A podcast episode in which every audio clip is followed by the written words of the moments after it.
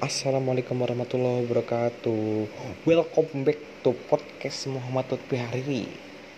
Nah di podcast kali ini saya akan menjelaskan tentang uh, Perkembangan dan peradaban Islam di Indonesia. Nah dulu kan ya Negara Indonesia tuh bukan negara Islam. Tapi sekarang kenapa sih bisa penduduk Indonesia mayoritas beragama Islam? Nah, hal ini juga tidak lepas dari peran pedagang-pedagang muslim dari Arab, dari Persia, dan India. Juga penduduk asli sendiri yang ikut aktif ambil bagian dalam penyebaran Islam di Indonesia. Nah, perlu diketahui nih, bahwa wilayah Indonesia yang dulu disebut dengan istilah Nusantara dikenal mancanegara sebagai daerah yang subur serta kaya akan potensi alamnya. Karena hal tersebut tidak mengherankan jika para pedagang-pedagang asing berdatangan ke wilayah-wilayah di Nusantara. Nah, dengan perkembangan yang pedagang antar bangsa, maka berkembanglah pula pelabuhan-pelabuhan atau bandar-bandar, terutama di daerah-daerah pesisir pulau. Seiring dengan itu, terjadilah interaksi antara penduduk pribumi dengan para pedagang asing, termasuk di dalamnya pedagang muslim, sehingga berpengaruhlah pula pada pada budaya lokal. Nah, misalnya nih ya, ada yang nanya, "Pi, bagaimana sih proses masuknya Islam di Indonesia?" Nah, proses masuknya Islam di Indonesia tuh gini. Menurut Ahmad Mansur, proses masuk dan berkembangnya agama Islam di Indonesia terdapat tiga teori, yaitu teori Gujarat, teori Mekah, dan teori Persia. Yang pertama, teori Gujarat.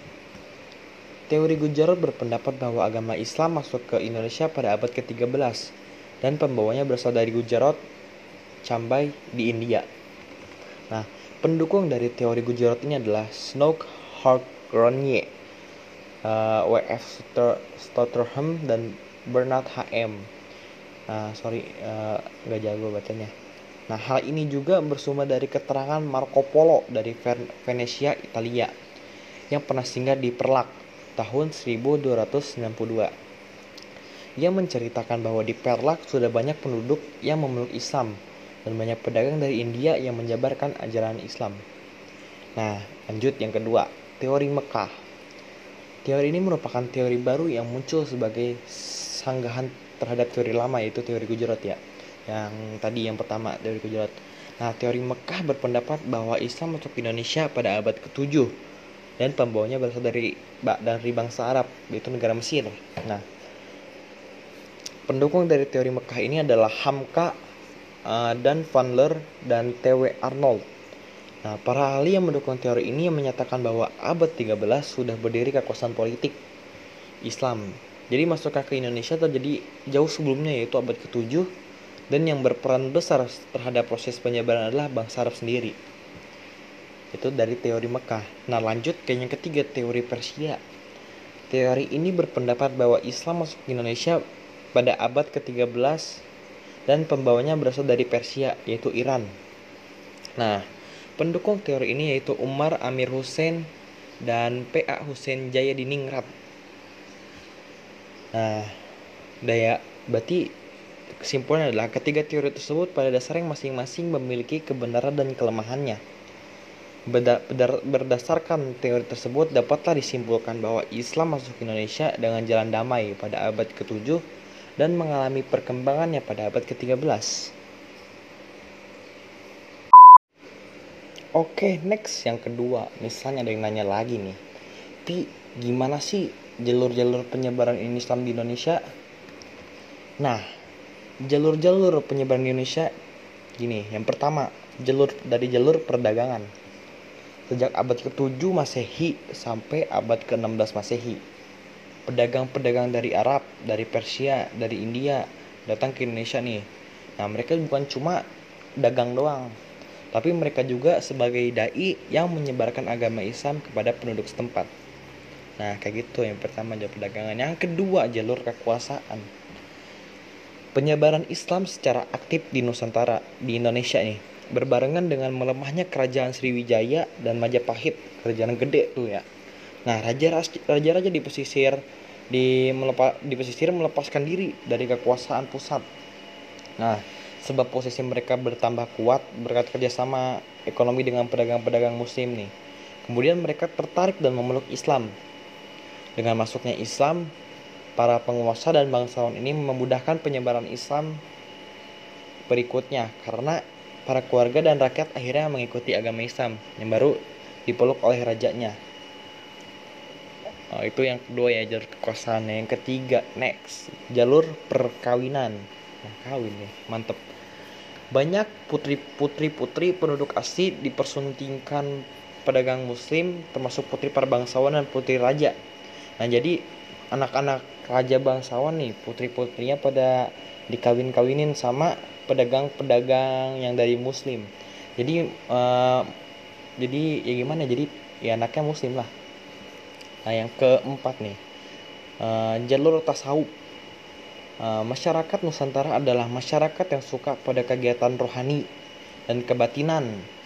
Nah oleh karena itu para pemu para mubalik Islam nih menempuh jalan tasawuf untuk menarik mereka nah itu yang keempat tuh jalur tasawuf Nah yang kelima jalur pesantren.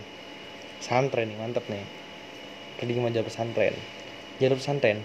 Penyebaran pesantren dirintis oleh Sunan Ampel yang mendirikan pesantren di Ampel. Nah dari sini lahirlah tokoh-tokoh Islam seperti Raden Patah dan Sunan Giri yang kemudian juga mendirikan pesantren dan mengirimkan murid-muridnya ke pelosok-pelosok desa sebagai guru agama jadi banyak nih yang dari murid-murid dari Sunan Ampel yang mereka juga mendirikan pesantren lalu mereka menyebarkan murid-muridnya untuk uh, sebagai dai untuk berceramah uh, di pelosok-pelosok. Bagus nih. Nah yang terakhir yaitu ada jalur seni. Jalur seni itu berupa seni sastra seni tari seni ukir dan seni kaligrafi Nah, kali ini adalah perkembangan peradaban Islam abad ke-13 Masehi sampai abad ke-16 Masehi. Nah, dia di di abad 13 Masehi sampai abad uh, eh, 16 Masehi ini ada muncul banyak muncul-munculnya kerajaan Islam. Nah, yang pertama itu kerajaan Samudra Pasai, kerajaan Islam pertama di Indonesia. Nah, yang kedua kerajaan Demak, yang ketiga kerajaan Banten, yang keempat kerajaan Mataram, yang kelima kerajaan Goa, yang keenam kerajaan Ternate, yang ketujuh yang ketujuh udah segitu aja dulu ya.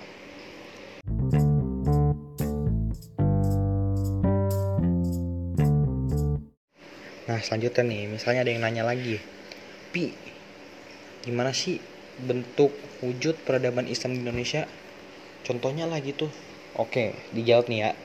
Yang pertama, dalam sektor pendidikan. Sektor pendidikan Islam itu kayak misalnya pesantren, kan Islam kan ya. Nah, pesantren itu adalah salah satu sistem pendidikan Islam yang ada di Indonesia dengan ciri khas yang unik dan juga dianggap sebagai sistem pendidikan paling tua di Indonesia. Nah, selain itu juga dalam pendidikan Islam di Indonesia juga dikenal adanya madrasah ibtidaiyah MI dasar Madrasah Sanawiyah lanjutan MTS uh, dan Madrasah Aliyah menengah MAN.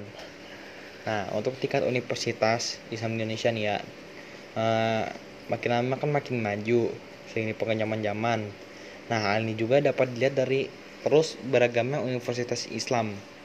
Nah di hampir kan hampir setiap provinsi juga udah banyak universitas Islam Institut Agama Islam Negeri Nah kalau di di Darussalam namanya IAID Institut Agama Islam Darussalam. Nah, nah ini dari sektor pendidikan yang kedua dari sektor organisasi. Nah, dari sektor organisasi juga banyak nih. Kayak misalnya NU Nadatul Ulama. Yang kedua Muhammadiyah. Persis, yang lain kan banyak. Nah, yang ketiga nih dari sektor budaya adat istiadat dan seni. Pasti udah pada tahu kan bangsa Indonesia adalah bahasa bahasa resminya bahasa Indonesia kan? Nah tapi banyak juga bahasa Arab bahasa Arab yang sudah banyak menyatu dalam kosakata bahasa Indonesia. Contohnya nih kata wajib pardu lahir batin musyawarah surat kabar koran jual kursi dan masker. Nah dalam hal nama juga banyak dipakai nama-nama yang berciri Islam ber yang Arab Arab gitulah kayak namanya Muhammad Piariri ini kan dari Arab Arab juga Nah, yang kedua itu kebiasaan yang banyak berkembang dari budaya Islam dapat berupa ucapan salam, acara tahlilan, syukuran, yasinan, nah yang lain-lain nih.